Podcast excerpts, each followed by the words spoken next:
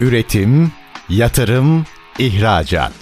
Üreten Türkiye'nin radyosu Endüstri Radyo sizin bulunduğunuz her yerde. Endüstri Radyo'yu arabada, bilgisayarda ve cep telefonunuzdan her yerde dinleyebilirsiniz.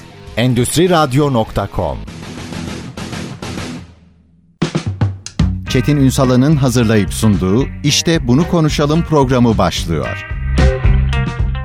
İşte bunu konuşalımdan merhabalar. Türkiye'nin gerçek gündeminde birlikteyiz efendim. Bugün son dönemde aslında herkesin kendi gündeminde olan zaman zaman kamuoyunun da gündemine gelen ama sadece başvuranların yaşadığı, daha çok yaşadığı, hissettiği bir meseleyi mercek altına alacağız. Buna işte bunu konuşalım diyeceğiz. Vize meselesi. Elbette bugünkü konuğumla birlikte turizmi konuşacağım, turizmin çeşitlenmesini, bütün detayları konuşacağım ama vizeden girmek lazım. Kim bugün bizlerle birlikte Mersi Travel turizm sahibi Hüseyin Mert Sağlam. Bugün işte bunu konuşalımın konu Sayın Sağlam. Yayınımıza hoş geldiniz efendim. Hoş bulduk, çok sağ olun. Üstad Nedir bu şehir efsanesi tarafı nedir? Gerçeği nedir? Hem bireysel olarak başvuranlarda hem de işletmeler şimdi mesela fuar mevsimi fuara 10 kişilik ekip götürecek işte dördünün vizesi çıkmıyor falan. Ne oluyor? Biraz yaşananları bize anlatır mısınız? Yani doğru noktaya parmak bastınız. Şu şekilde açıklayayım. İstatistiksel olarak baktığımızda sene 2015-2016'yı gösterdiği zamanlarda red oranları Schengen ülkesi bazlı konuşuyorum. Red oranları %4-4,5 arasıydı. Yok gibi yani. Yani bu da yok gibi bir şey. Fazla hissedilmeyen bir rakamdı. Ama netekim bu özellikle pandemiyle beraber ve pandemi sonrası oluşan başvuruların yoğunluğu ve bu döviz kurundaki artış bizlere oldukça olumsuz yansıdı. Şu aralar söyleyebileceğim rakam yaklaşık %25. Yani yaklaşık her 4 başvurudan birisi maalesef reddediliyor. Yani bir de e, eskiyle mukayese ettiğimizde 6 kat arttı. Kesinlikle. Ya peki hadi biraz açalım. Niye mesela red giyiyoruz? Hala pandemi kaygıları mı?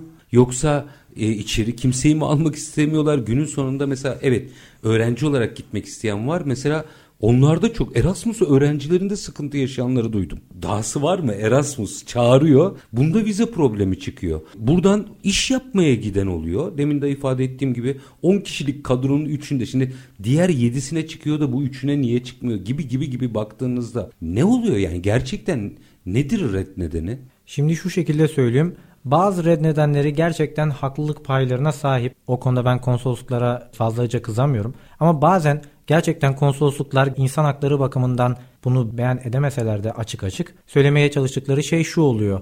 Ben seni beğenmedim. Ben senin tipini beğenmedim. Ben senin milletini beğenmedim gibi vesaire gerçekten insanlık dışı diyebileceğimiz şeylerden çok fazlaca redler arttı. Bunun da ötesinde 2015'te bizim hayat standartlarımız görece daha iyiydi. Yani bu döviz o kadar oynamıyordu. Gerçekten insanlarda böyle bir Avrupa'ya gideyim isteği yoktu. Yani tabii siz de bilirsiniz sizin de çevrenizde böyle Avrupa'ya vesaire gitmek isteyen insanlar vardır. Ama yakın zamanda sanki sorduğum her 3 arkadaştan her 3 kişiden birisi bir Avrupa hayalinde bir e, Amerika hayalinde ben oraya gideyim de ne olursa olsun veya Türkiye bir doktor kazandı ve doktor kaybetti, Avrupa bir barista kazandı gibi başlıklar adı altında insanlar oraya artık gezmeye değil yapılan vize başvuruları daha çok oraya yerleşmeye yönelik yapılıyor. Hı hı. Ve vizenin reddedilmesinin ana sebebi de şu konsoloslar bunları görüyor. Konsoloslar gör, dosyaları görüyor.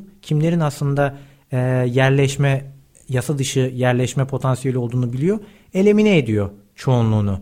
Ha tabii burada kurunun yanında yaşlayanlar mantığı var. Bir insanın genç olması, bekar olması, maddi olarak çok da iyi bir durumda olmaması o kişiyi %100 olarak yasa dışı göçmen sıfatına sokmaz. Ama konsoloslar da diğer taraftan ülkelerine giriş çıkışı kontrol edebilmek adına böyle bir yola başvurmuş durumda. Üstad şunu söyleseler anlarım ben. Türkiye'den gelen bütün vize başvurularını reddediyorum. Bak şimdi bunu anlarım.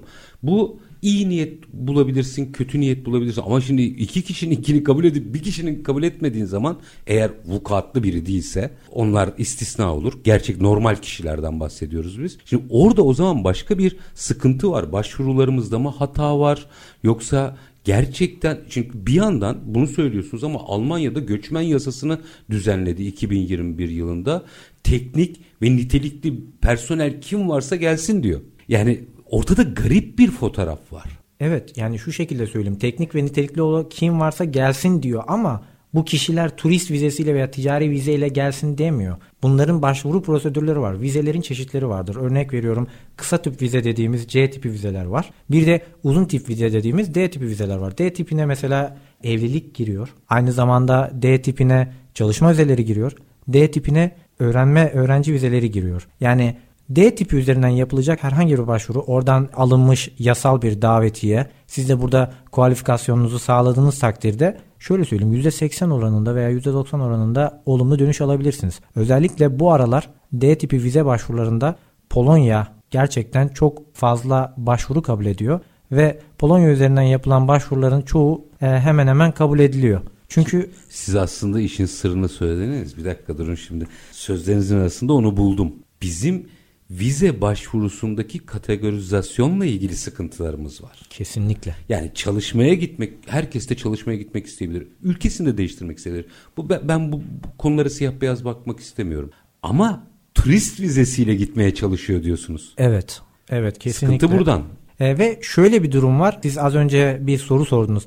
Dediniz ki ben benim ülkeme gelmeyin deseler ben Türkiye'den yapılacak her türlü başvuruyu reddedeceğim deseler ben bunu anlarım. Ama bu şekilde demiyorlar ama ona göre hareket ediyorlar dediniz. Burada da şöyle bir durum var. İnsan hakları bakımından seyahat özgürlüğü kısıtlanamaz. Bu yüzden bu ülkeler resmi olarak ben bu kişilerin ülkeme girmesini istemiyorum. Komple bir yani komple Türklerin, Arapların vesaire herhangi bir etnisitenin ülkeme girmesini istemiyorum diyemez. Bunu ancak diyebilen birkaç ülke vardır. Onlar da Türkmenistan ve Kuzey Kore gibi totaliter rejimler. Onlar zaten e, bu konuda rahat rahat yapabilirler ama Avrupa ülkeleri bu medeniyetin beşiği dediğimiz ülkeler bunu maalesef yapamazlar. Ama orada yine de işte anlayamadığım daha doğrusu yani siz işin içinde olduğunuz için siz çözebildiniz mi diye sormaya çalışıyorum. Çok basit. Biz ikimiz aynı statüde insanlarız. Hı hı. Yani işte e, iyi kötü gidip oraya yerleşme niyetimiz yok. Bir şeyimiz yok. Hüseyin Emre'ye veriyorlar, Çetin'e vermiyorlar. Bunu çözemiyorum bir türlü. Ee, bunda da ya aslında... ikimizin de sicili temiz, e, normal vatandaşlarız vergisini ödeyen falan. Size veriyorlar bana ver. Bu keyfiyeti anlayamıyorum. Tabii tabii. Böyle bir durum da söz konusu. Bunda da aslında insanlarımıza biraz komik gelecek ama tamamen vize memurunun yetkisine kalmış belli başlı şeyler. Örnek veriyorum dediğiniz gibi sizinle benim dosyam her türlü aynıysa Hı-hı. sizin dosyanıza bakan adam o gün keyiflidir. O gün eşi doğum yapmıştır. Nur topu gibi bir çocuğu olmuştur. Aa bugün güzel bir günüm. Ben bu kişiye vize vereyim diyebilir. Böyle gerçekten bu kadar var. basit? Yani bu kadar basit mi hikaye gerçekten? Ya aslında o vize o, memuruna mı kalmış yani? O, o kadar basitlikten ziyade şöyle kualifikasyonu sağlayan kişiler arasında tabii, konuşuyoruz. Tabii eşit biz. eşit şahıslardan ha, bahsediyoruz. Yani diğer türlü ben hiç çalışmıyorum, etmiyorum. Ben yani yüz yüz yerleşeceğim gibi. Sicilim bozuktur, adli ha. bir problem vardır. Onlar başka. Ha. İkimiz de normal vatandaşlarız. Ha. Ama dediğiniz gibi yani e, kualifikasyonu iyi. Gerçekten de vize almaya ehil bir insan neden red yiyebilir? Memurun önüne gider o dosya. Memur o gün hanımıyla kavga etmiştir. O gün hüzünlüdür. Onun elinde öyle bir inisiyatif var. Yani ben bu kişiye baktım. Şüphelendim. Red. Bitti. Bitti. Ve gerçekten de Avrupa Birliği vize başvurularının sonunda, Schengen vize başvurularının sonunda gelen redlerde her zaman şu madde vardır. Sebep belirtilen seyahat sebebi inandırıcı bulunmadı.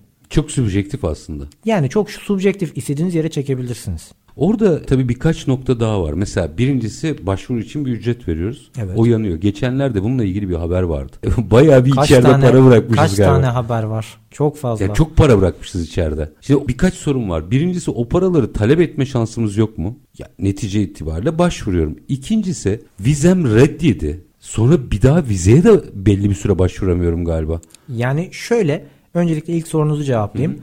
Vizeniz reddedildiğinde o parayı geri talep etme hakkınız yok. Neden? Çünkü insanlar genelde vize başvurusu yaparken doldurdukları formun altına imza attıklarında o formun altındaki küçük metinleri okumuyorlar.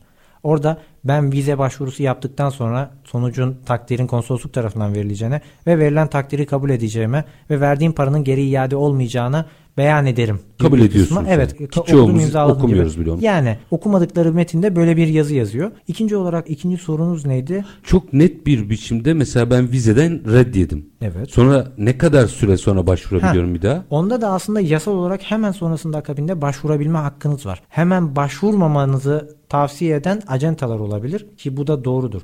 Çünkü bir başvuruda reddedildikten sonra yeniden akabinde bir başvuru yaptığınızda konsolosluk bu işte bir art niyet arar. Der ki ya ben bu kişiyi bu kişi bana ben turistik olarak seyahat edeceğim dedi. Örnek veriyorum ben geleceğim Venedik'te iki gün kalacağım. Milano'ya gideceğim sonra döneceğim. Ben bu kişiyi reddettim. Ama itinayla ve ısrarla bana vize başvurusu yapmaya devam ediyor. Ben bu işin içinde bir şey ararım. Yani bir insan işin ucunda hayat memat meselesi olmadığı takdirde neden bu kadar ısrarla vize başvurusu yapmaya devam eder ki? Bir örnek anlatayım mı? Tabii. Geçen sene bir öğrencinin başına geldi bu. Dolaylı yoldan duydum ben de. İşte Erasmus başvurusu yapıyor. Biliyorsunuz Erasmus başvurularında kalacağınız yer dahil hepsini vize başvurusu dosyasına koymak zorundasınız. Evet. Çocuk her şeyini yapıyor. İnanılmaz. Ve vize çıkmıyor. Şimdi hadi vize parası kaldı. Çocuğun orada yaptığı masraflar da kesintili bir biçimde iadeye neden oluyor. Şimdi bu kadar rahat mı olacak? Yani bu inisiyatif gerçekten bir kişinin inisiyatifinde mi bu? Evet maalesef. Yani şu şekilde söyleyeyim biz her vize başvurusu yaptığımızda takdirin konsoloslukta olduğunu beyan ediyoruz. Bunu beyan etmediğimiz takdirde vize başvurusu yapamıyoruz. Yani formlara imzamızı atmadığımız takdirde vize başvurumuz kabul edilmiyor. Yani tabiri caizse burada biraz ya sev ya terk et modeli var. Çok Eğer- enteresan bir şey ama bu yani. Yine merak ettiğim örnekler içerisinde vermiştim. Bu da başına gelen şirketi de biliyorum. Fuara gideceklerken e, 7 kişilik falan bir ekip galiba. E, ikisi alamıyor. Ama ikisi de bu arada dış ticaretten sorumlu kişiler. Mesela buna şöyle diyeyim. Red geldi ya. Bunlar çünkü genellikle acentelerle çalışıyorlar, şirketler. Evet. Ya İTO üzerinden gidiyorlar ya acente üzerinden Tabii. gidiyorlar. İstanbul'daysa tabii. Daha sonra mesela şunu diyemiyor mu? Ya bunu iptal ettiniz ama diyemiyor mu? Fuara gidiyorum işte belli. Diyemez mi? Tabii ki. Yani şöyle bir durum var. Size verilen yani orada vize başvurusu yaparken imzaladığınız kararlarda şöyle bir yazı var. Hani ben bu verdiğim parayı geri alamayacağımı biliyorum. Ama her ne kadar konsolosluk takdirini kabul edeceğimi beyan etsem de en nihayetinde hukuki yollara başvurabilirim. Bir itiraz hakkım var. Hmm. Neredeyse bütün konsolosluklar itiraz yollarını açık tutmuşlar. Yani biz vize red kağıdını aldığımızda red kağıdının üzerinde de beyan eder zaten nasıl itiraz yapabileceğimiz. Yani sizi böyle bir karar verdik. Eğer size verilen kararın adaletsiz olduğunu düşünüyorsanız şu şu yollarla itiraz edebilirsiniz. Hakkınızı arayabilirsiniz Tabii diyor. ki yani hukukun yolunu asla kapatamazlar. Yani bu işin affedersiniz konsolosluğa itiraz talebinde bulundular. Eğer itiraz da reddedildiyse bu işin mahkemeye kadar yolu var. Çünkü burada bir hak var. Birazcık daha açacağım. Merak Tabii. ettiklerim var. Çünkü aslında bunları biz gittiğimiz toplantılarda vesaire iş insanlarıyla vesaire konuşuyoruz. O yüzden hazır sizi bulmuşken ne yaşanıyorun biraz deşifresini almak istiyorum ama minik bir araya gidelim. Aranın ardından devam edelim. Efendim Mersi Travel Turizm sahibi Hüseyin Mert Sağlam bugün konuğumuz. Turizmi konuşacağız ama ilk önce meseleye vize meselesiyle başladık. Kısa bir ara. Aranın ardından işte bunu konuşalım diyeceğiz. Lütfen bizden ayrılmayın. Üretim, yatırım, ihracat. Üreten Türkiye'nin radyosu Endüstri Radyo sizin bulunduğunuz her yerde. Endüstri Radyo'yu arabada, bilgisayarda ve cep telefonunuzdan her yerde dinleyebilirsiniz. Endüstri Radyo.com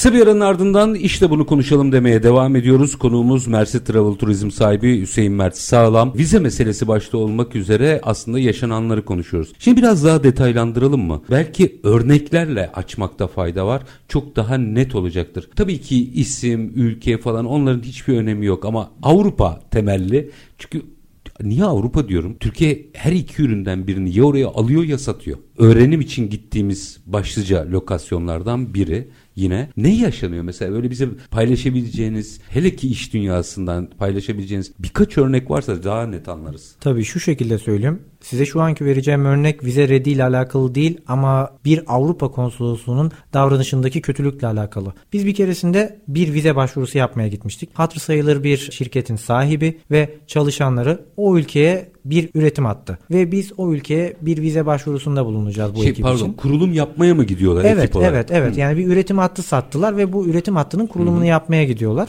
ekip olarak. Bizim de randevumuz vardı o gün hasbelkader ve gittik randevumuza. Randevuyu bekliyoruz. Daha sonra randevu saatimiz geldi. Tabii herkesin şey, şeyde misiniz? Vize için konsoloslukta. Evet konsolosluğun önündeyiz. Randevu için konsolosluğun önündeyiz. Güvenlik görevlisi çıktı içeriden ve baktım utanmazca konuşmaya başladı açıkçası. Orada koskoca bir firmanın, fabrikanın sahibi ve çalışanları var. Bu çalışanlarının gözü önünde firma sahibine dedi ki hepinizi burada askeri düzende görmek istiyorum. Tek sıra halinde durun. Sebep? Şımarıklık. Yani ve bu çalışan da bir Türktü. Avrupa konsolosluğuna çalışan bir Türk. Oraya girince o da onlardan gibi bir şey oldu. Evet. Yani bunu söylemem ayrı bir ironik tabii ama maalesef. Çok, çok acı. Çok acı. Yani bir de böyle bir şey talep edemez. Kesinlikle ya bu insanlık dışı sen çocuğa bile bu şekilde davranamazsın. İtiraz etsen de vizeyi alamayacaksın. Yani itiraz edemiyorsunuz. İş, bizim işimizin de en kötü cilvesi o. Yani bir acenteler adına konuşmak istiyorum aynı zamanda. Örnek veriyorum biz konsolosluğa karşı boynumuz bükük. Neden?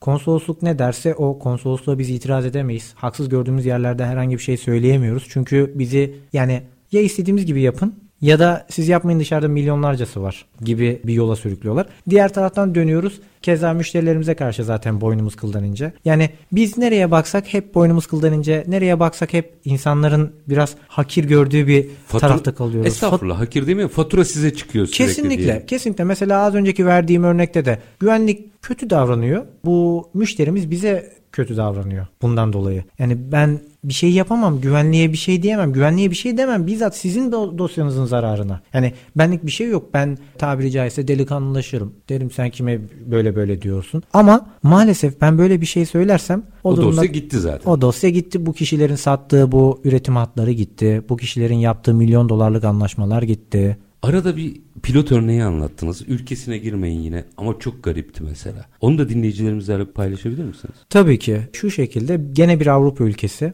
bir pilot beyefendi için vize başvurusu yapacağız. Zaten bu kişinin pilot olması bir sosyal statü olarak gayet üst düzeyde olduğunu gösterir. İki bir pilotun çalışabileceği yerde gene sosyal olarak çok üst düzeyde olan bir şirkettir. Bir havacılık şirketi. Biz bu kişiye vize başvurusunda bulunduk ve bu kişinin pasaportunda Amerika vizesi vardı. Amerika vizesi ve diğer bu hatırı sayılır ülkelerin vizesi diğer ülkeler için referans olur. Yani, yani orası varsa ben de verebilirim gibi mi oluyor? Tabii ki ülkeler %99 olarak şuna bakarlar. Ben bu kişiye vize versem bu kişi geri döner mi? Buna bakarken de diğer ülkelerin vizelerine bakarlar. Yani örnek veriyorum bu örnekteki gibi eğer bu kişinin pasaportunda Amerikan vizesi varsa bu kişi Amerika'ya gidecek olsa giderdi, yerleşecek olsa yerleşirdi. Oraya yerleşmediyse benim ülkeme de yerleşmez gibi düşünüp hareket ediyorlar. Velhasıl kelam bu kişinin vize başvurusunu konsolosluk reddetti. Tabi reddettiğinde bize çok net bir... Garip, çok kusura bakmayın ama bahsettiğimiz kişi bütün dünyaya uçabilen bir pilottan bahsediyoruz. Pilotun vizesini reddetti yani öyle mi? Tabi ve yani şöyle bir durum da var. Pilotlar aslında vizesiz de ülkelere seyahat edebiliyor. Evet ülkeye. yani şimdi burada garip olan e, bir pilota yani hani uçağı kendi başına yollayın. pilota vize uygulaması zaten bir garip. Hadi tamam kabul edelim ama vizenin reddi de ondan daha garip. Ne oldu günün sonunda? Şu şekilde söyleyeyim. Biz vize reddi aldık. Yani biz almadık açıkçası. Konsolosluk takdir etti diyeyim. Vize reddinde de şöyle yazıyordu. Belirtilen seyahat sebebi inandırıcı bulunamamıştır. Size az önce bahsettiğim gibi her seferinde aynı teraneyi yapıyorlar. Her seferinde aynı yazıyı yazıyorlar. Bitti gitti. Hiçbir açıklama yok, bir şey yok, bir sebep yok. Ya bu kişiye inanamamanızın zaten bir inanamamanız imkansız. İtiraz yani, ettiniz mi sonra? Tabii ki itiraz ettik. Bu kişi için gerekli makamlara itirazımız yapıldı. İtirazımız kabul edildi ve bu kişi yeniden vize başvurusu yapıp vize aldı. Ve itirazımızı kabul ettikten sonra bize neden reddettiklerini de söylediler. Bize dediler ki biz bu şirketi aradık ve şirket telefonu açmadı. Sadece bundan dolayı reddetmişler. Yani ve, X hava yollarında aranan kişi bu şey buranın telefon cevap vermedi. Bu mu yani? Tabii. Ve yani o Ama kişi... orada bir hava yolu şirketi var. Belli. Herkes tanıyor. Kesinlikle. Yani... Telefon cevap vermemiş. Belki mesai saatleri dışındaydı. Ve yani o telefona varana kadar bu kişinin o hava yolunda olduğuna dair bir sürü zaten döküman hali hazırda sunulmuş durumda. Yani bu hava yolunun bu kişi için yazdığı yazılar, bu hava yolunun bu kişi için yani aralarındaki anlaşmalar vesaire. Her şey zaten tam takır. Yani tam olmayan dosyayı zaten konsolosluklar almıyor. Bir de acente götürmez ki onu. Yani tam değilse götürmez. Garip bir durum gerçekten bu. Yani pilotinki en garipti. Yine sizin paylaştığınız yani sohbet arasındaki örneklerden biri. Bir Iraklı bir Türk iş adamı aynı anda başvuruyorsunuz falan böyle garip şeyler oluyor e, sonuçları itibariyle. Tabii yani onda da gene önüne e, ülke vermeyeyim. Kasım Aralık aylarında birkaç tane Iraklıyla birkaç tane Türk vatandaşına hepsi aynı anda olacak şekilde yani iki farklı safhada başvuru yaptık. İlk bir Türk'le bir Iraklı sonra gene bir Türk'le bir Iraklı vize başvurusu gerçekleştirildi. Ve bu durumun sonunda iki Türk vatandaşımız vize reddi alırken iki Irak vatandaşı vize aldı. O iki Türk vatandaşı öğrenci miydi, iş adamı neydi? Yo yani statüleri aynıydı hatta Türk vatandaşı statüsünün daha iyi olduğunu söyleyebilirim. Çünkü hali hazırda evli. Yani bir Türk sonuçta. Bağı var. Hmm. Kesinlikle yani bir Türk burada ailesi var. Bir de yani açıkçası başka bir ülkeden buraya gelmiş hali hazırda kendisi bir mülteci değil. Yani mülteciye güvenmemen normal olabilir. Niye? Ha, ülkesine dönüş yapmış birine bile vermediler öyle mi? Tabii yani şu, yo, şunu söylemeye çalışıyorum. Mesela bir Iraklı gelmiş Türkiye'ye yerleşmiş. Bu kişinin bir sonraki aşamada gelip Almanya'ya yerleşip yerle, yerleşemeyeceğini bilemezsin. Daha Neden? Çünkü olasılık. Türkiye'ye bir bağı yok. Tabii daha yüksek olasılık. Kesinlikle ama bu Türk vatandaşının Türkiye'ye bağı var. Başta gönül bağı var, aile bağı var, iş bağı var ve biz bunların hepsini tek tek belgelendirerek başvuru yapıyoruz. Şimdi bu aslında gerçekten çok fazla konuşulmayan, ara ara haber olan ama çok fazla konuşulmayan ama başvuruda bulunanların çoğunun çok canını sıkan bir durum ve hala hazırda da yaşanmaya devam ediyor anladığım kadarıyla. Bitmedi. Burada hadi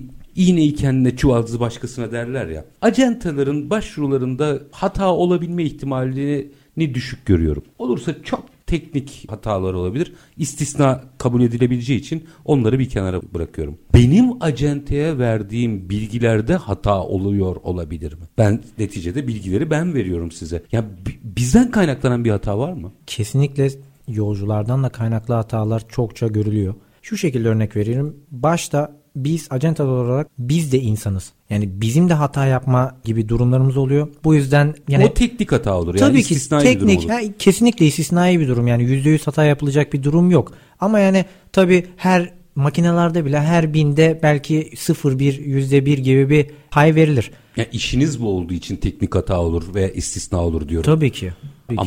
Yok. neticede ben size dedim ki efendim Hüseyin Mert Bey ben vize başvurusunda bulunacağım. Siz lütfen takip edin. Siz de benden evraklar istediniz.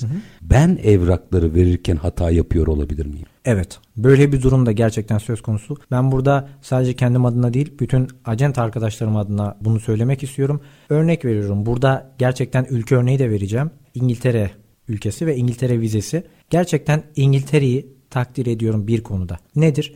İngiltere vizesi her başvurunun sonunda eğer ki başvuru reddedilecekse gerçekten dosyayı inceliyorlar ve açıklayıcı bir yazı yazıyorlar. Gerçekten inceliyor yani. Gerçekten yani ben buradan konsolosluk çalışanlarını ve hepsini tek tek tebrik etmek istiyorum. Çünkü red yazısı yazdıklarında karşı taraf mutmain oluyor. Tatmin oluyor yani. Gerekçe mi belirtiyorlar? Evet evet yani diğerleri size az önce söylediğim gibi belki telefonu açmadığı için reddetmişler ama yine de e, belirtilen seyahat sebebi inandırıcı bulunamadı. Ayrıca o telefonu demişler. yanlış da çevirmiş olabilirsin. Kesinlikle olabilir yani telefonu yanlış da çevirmiş Hava yolu şirketinin telefonunun açılmaması çok normal değil. Yani ben neden bir de İngiltere'den örnek verdim? Şöyle bir durum var. Siz az önce dediniz ya ben size yanlış bir beyanda bulunmuş mu ola- olabilir miyim? Ben size yanlış bir belge Evet, evet. sunmuş olabilir miyim diye.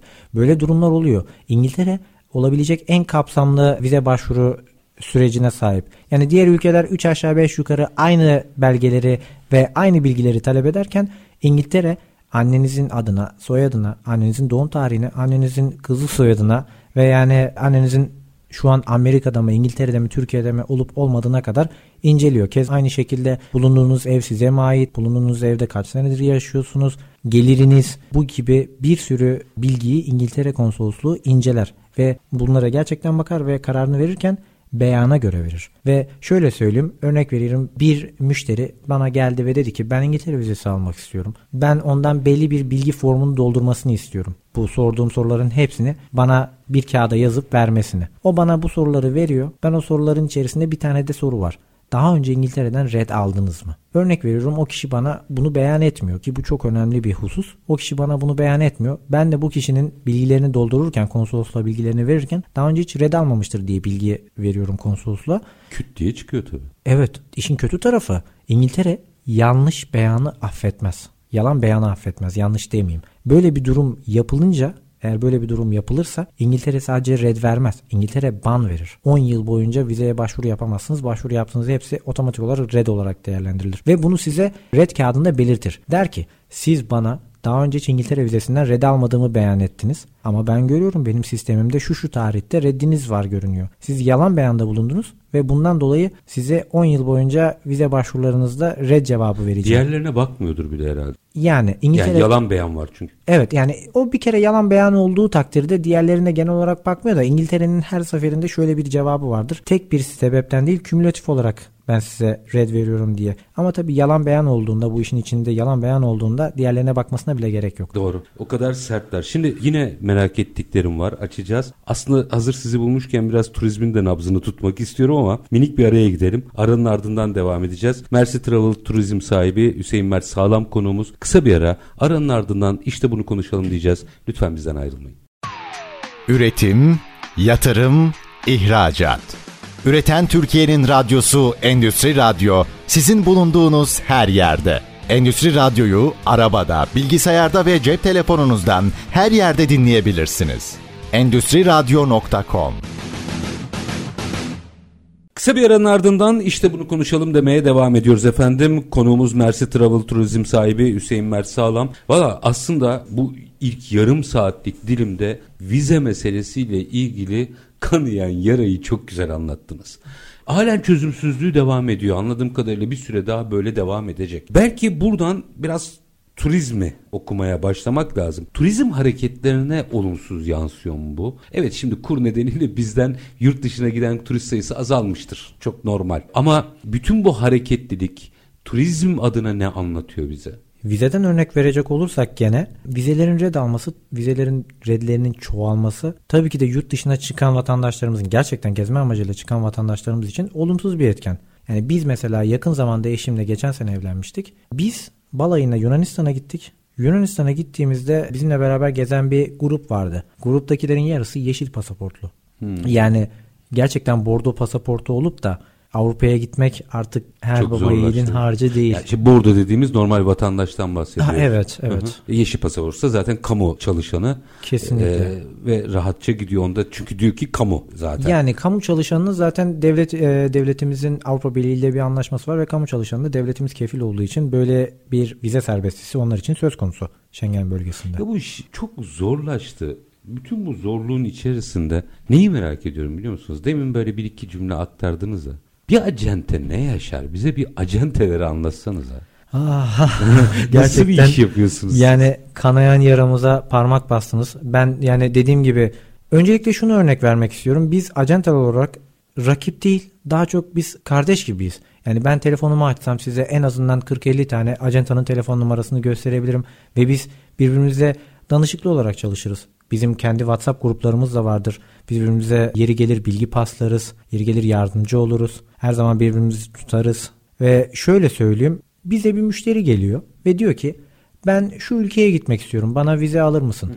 Ben bu kişiye durumu açıklıyorum. Diyorum ki sizin şansınız şu şu. Mesela %60 veya %70 sizin gördüğüm kadarıyla vize almaya hakkınız var. Bir acente aşağı yukarı gördüğünde birazcık da bilgi aldığında aşağı yukarı vize ile ilgili bir tahminde bulunabilir hale geliyor galiba? Kesinlikle. Yani şöyle söyleyeyim herkes bu sektördeki herkes neredeyse bu işe yıllarını vermiş. Yani biz bir dosyaya baktığımızda 3 aşağı 5 yukarı çok az yanılma payıyla birlikte tahmin edebiliyoruz bir vize bir dosyanın vize alıp alamayacağını. Peki araya girdim ben. %60-70 diye devam edin lütfen. Yani %60-70 dedim. Hatta size onu da bir örnekle açıklayayım. Bir vize başvurusunda bulunacaktık. Ben beyefendiye dedim ki bakın sizin vize alma olasılığınız şu. Bunu eğer arzu ederseniz devam edelim. Eğer arzu etmezseniz devam etmeyelim. Ben çünkü en nihayetinde sizin söylediğiniz yapmakla yükümlüyüm. Siz olasılığı söylediniz. Heh, düşük ben- bir olasılık mıydı? Evet, evet. Yani %50-50. Ben insanlara %50 vize alırsınız, %50 vize alamazsınız dediğimde insanlar %50 vize alırı görüyorlar. Ve o kişi tamam dedi. Hatta şöyle amiyane bir tabirle tamam kardeşim ne olacak ya ölecek miyiz işin sonunda gibi bir ibarede bulundu. Biz başvuruyu yaptık. Vize başvurusu konsolosluk tarafından kabul edilmedi. Bu sefer de adam bizi dava açtı. Bir, Şimdi bunu anlayamıyorum. Yani evet gerçekten o acente sizi kastetmiyorum. Bir acente çok dramatik bir hata yapmıştır anlarım. Ama normalde yani vize çıkan vizeden bir vize çıkarsa e, tamam işte acente işini yaptı. Çıkmadığında niye sizi sorumlu tutar ki ben onu anlamıyorum. Tabii hatta yani bu da aslında İngiltere vizesiydi. Az önce de size beyan ettiğim gibi İngiltere red olduğu zaman beyan şeyleri gösterir. Sebepleri gösterir. Sizi şu şu şu sebeplerden dolayı reddettim diye. Bu arada ben buradan seyircilerimize de sesleniyorum. İngiltere vizesi olabilecek en zor ve en meşakkatli vize bu vizeyi yaparken, başvuru yaparken eğer ki kendiniz yapmak istediyseniz dikkatli olmanızı öneririm. Çünkü en ufak bir yanlış hesaplama, en ufak bir yanlış beyan sizi çok olumsuz sonuçlara itebilir.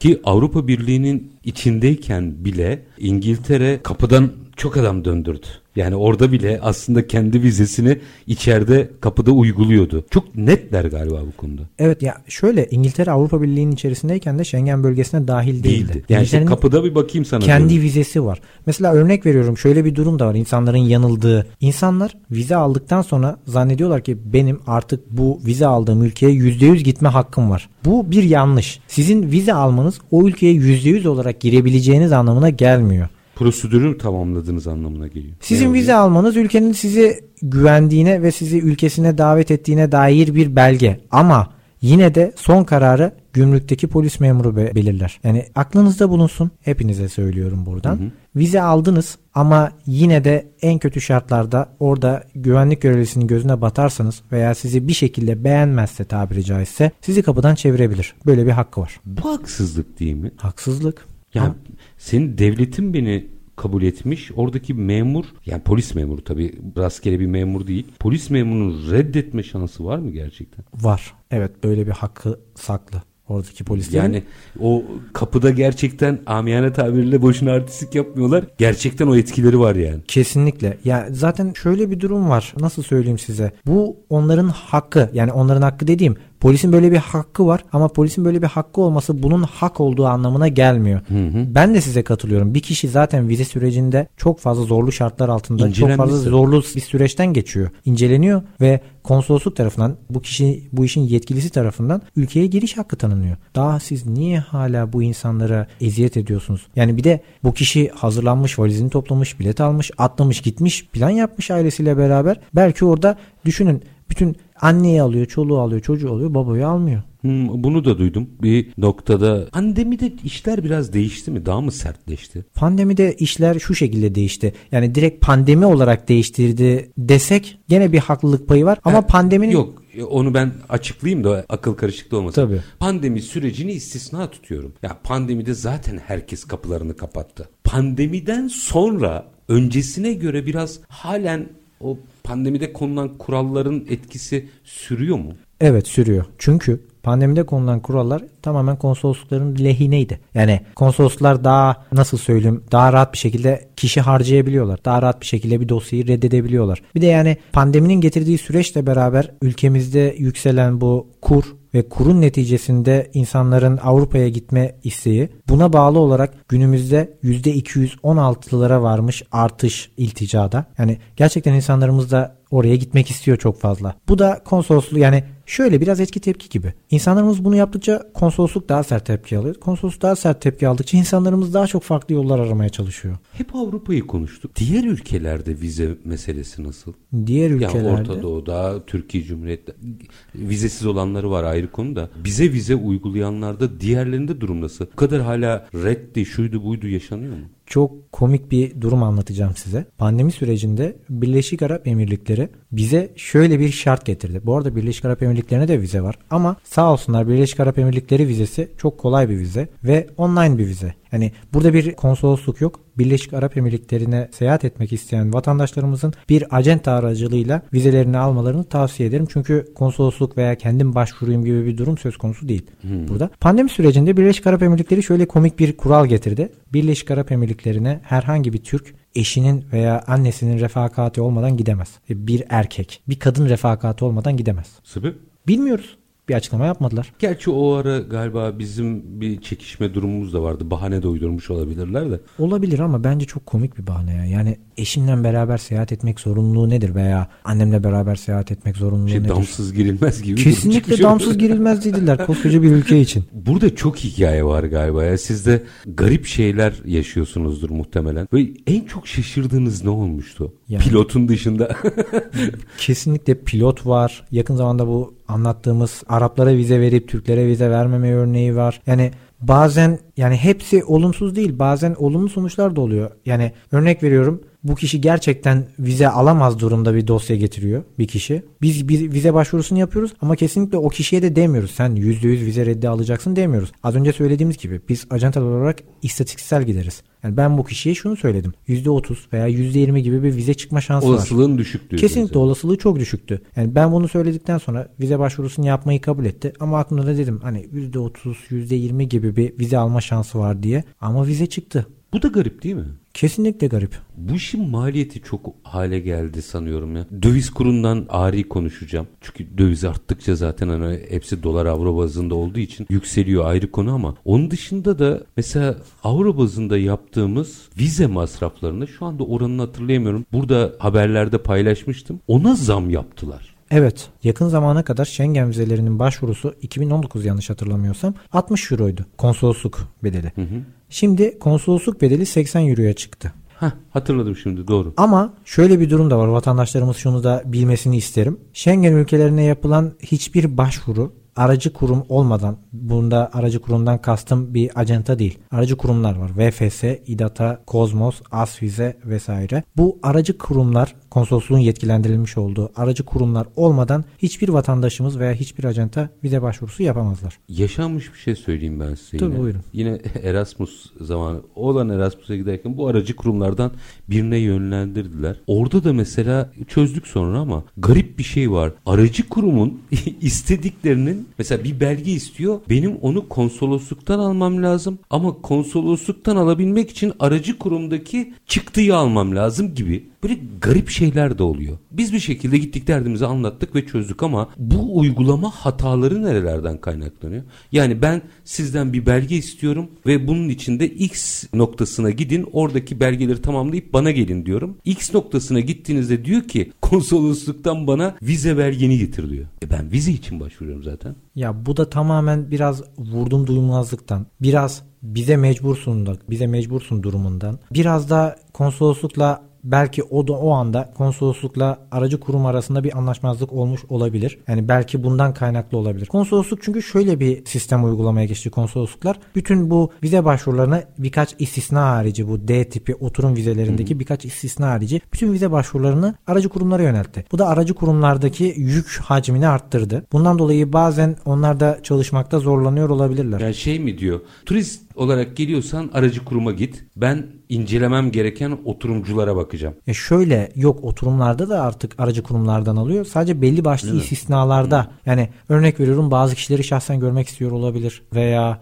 aile birleşimidir, hususi bir aile birleşimidir olabilir. Veya bazen oluyor gerçekten konsolosluk kişileri şahsen başvurudan sonra şeye çağırıyor, e, görüşmeye çağırıyor. Aracı kurum aracılığıyla başvurunuzu yapıyorsunuz. Aradan bir hafta geçiyor, konsolosluk sizi görüşmeye çağırıyor. Çünkü kani olmamış belli başlı konular hakkında ve size sorular sormak istiyor. Bunu anlarım. Bunda sıkıntı yok. Hı hı. Yani ikna olmadıysa red vermek yerine görmek istemesi iyi niyetli bir yaklaşım olarak adlandırılabilir aslında. Ya süren bitti ama aslında neredeyse 50 dakikaya yakın bir süredir vize meselesini konuşuyoruz. Biz bir 50 dakika daha gideriz. Bu işler çözüme yakın mı? Yani bilmiyorum.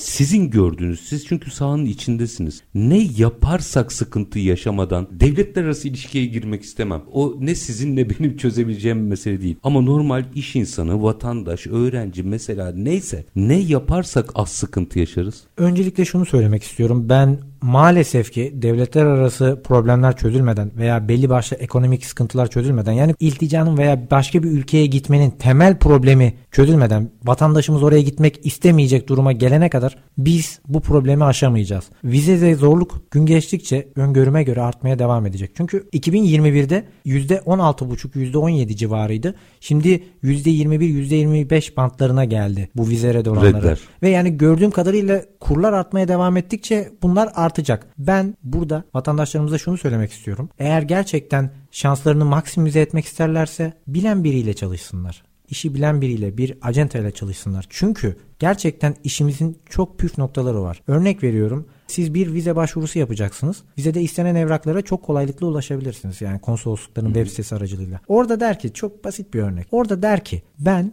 bankanızı görmek istiyorum. Banka hesap dökümü getirin bana. Siz tamam dersiniz hadi topladınız götürünüz banka hesap dökümü red. Neden? Çünkü orada sadece banka hesap dökümü dedi. Ama içinde belli bir bakiye olması gerektiğini veya ne kadar bir bakiye olması gerektiğini, o bakiyenin neye göre hesaplandığını bilemezsiniz. Veya ben turistik seyahat edeceğim deniyor. Bizim müşterilerimizde de böyle bir durum var. Geçen hatta gene bir anımı anlatmak isterim turistik seyahat vize başvurusu yapacaklar. Ve bu vizede belirttiğiniz gün kadar vize verilmiyor. Bu arada vatandaşlarımıza bunu da söylemek istiyorum. Yani siz oraya ben 5 günlük seyahat edeceğim derseniz size 5 günlük vize vermezler. Çünkü günümüzde 5 yıllık vizeler var. Schengen ülkeleri 5 yıllık vize de veriyor. Bu kişi ben 5 yıl boyunca bir gideceğim 5 yıl geri dönmeyeceğim demiyor. Yani biz bir kişinin seyahatini organize ederken ajanta olarak öngörülebilir, karşı tarafın kabul edebileceği makul bir süre içerisinde seyahat öngörüyoruz. Örnek veriyorum 5 gün, örnek veriyorum 1 hafta ailesiyle, çoluğu çocuğuyla veya yalnız başına veya o arkadaşlarıyla istiyorsa bir beraber. aylık vize versin. Heh, evet. Ben bunu yaptığımda mesela bir keresinde bir yolcumuz vardı. Üç arkadaştı bunlar. Bunların randevusu geldi. İki tanesi randevuya girdi. O üçüncüsü şehir dışındaydı yanlış hatırlamıyorsam. Ben o iki kişiye güzel bir şekilde evraklarını hazırladım. Başvurularını yaptık. Kendileri vize aldılar. Çok da memnun ayrıldılar. Üçüncü kişi sonra geldi ben de vize almak istiyorum dedi. Bu kişilerle aynı seyahat tarihinde ben de gitmek istiyorum dedi. Tamam dedim o kişinin de vizesi evraklarını aynı şekilde hazırladım. Yaklaşık yanlış hatırlamıyorsam bir hafta gibi bir seyahat beyan etmiştim. Adam bunu gördü beğenmedi dedi ne bir haftası ya ben oraya bir gideceğim 15 gün kalacağım. Niye sen bunu 15 gün yapmadın sen bir hafta yaptın diye öyle düşük vize verecekler falan diye. O gün de başvuruya kardeşim gitmişti kardeşim de bizimle beraber çalışıyor. Dedim Hasan kardeşimle de Hasan. Hasan abicim müşteri ne diyorsa odur. Müşteri ha- ha- haklıdır. Kendisi zaten böyle bir talepte bulunuyorsa bunun da sonuçlarını kabul eder. Kendisine ona göre bir dosya hazırlayalım dedim. Başvuru günü istediği şekilde dosyasını değiştirdik ve bu beyefendi başvurudan red aldı. Çünkü öyle bir hale geldi ki dönüş biletinize bakıp o günü son tarih yapar haldeler. Kesinlikle. Yani biraz bu çok kritik bir bilgiydi. Makul davranmak, amacınızda doğru orantılı vizelerin peşine düşmek lazım. O istiyorsa ondan sonra 3 aylık mı verir, 5 aylık mı verir? Onun inisiyatifine kalmış bir şey. Kesinlikle bu konsolosun takdiri. Mersi Travels turizm sahibi Hüseyin Mert Sağlam çok teşekkür ediyorum. Ben teşekkür Çok ederim. uzun zamandır aslında bu meseleyi konuşmak istiyordum. Vize, vize aşağı, vize yukarı her yerde herkes bunu konuşuyor ama adam akıllı bunu konuşan bir ortam yoktu. Tüm detaylarıyla ve örnekleriyle bize anlattınız. Çok teşekkürler efendim. Rica ederim. Ben de teşekkür ederim. Var olunuz. Efendim biz bugün vize meselesine, vize meselesinde son dönemde yaşananlara işte bunu konuşalım dedik. Konuğumuz Mersi Travel Turizm sahibi Hüseyin Mert Sağlam'dı. Biz her zamanki gibi bitirelim. İşinizi konuşun, işinizle konuşun. Sonra gelin işte bunu konuşalım. Hoşçakalın efendim.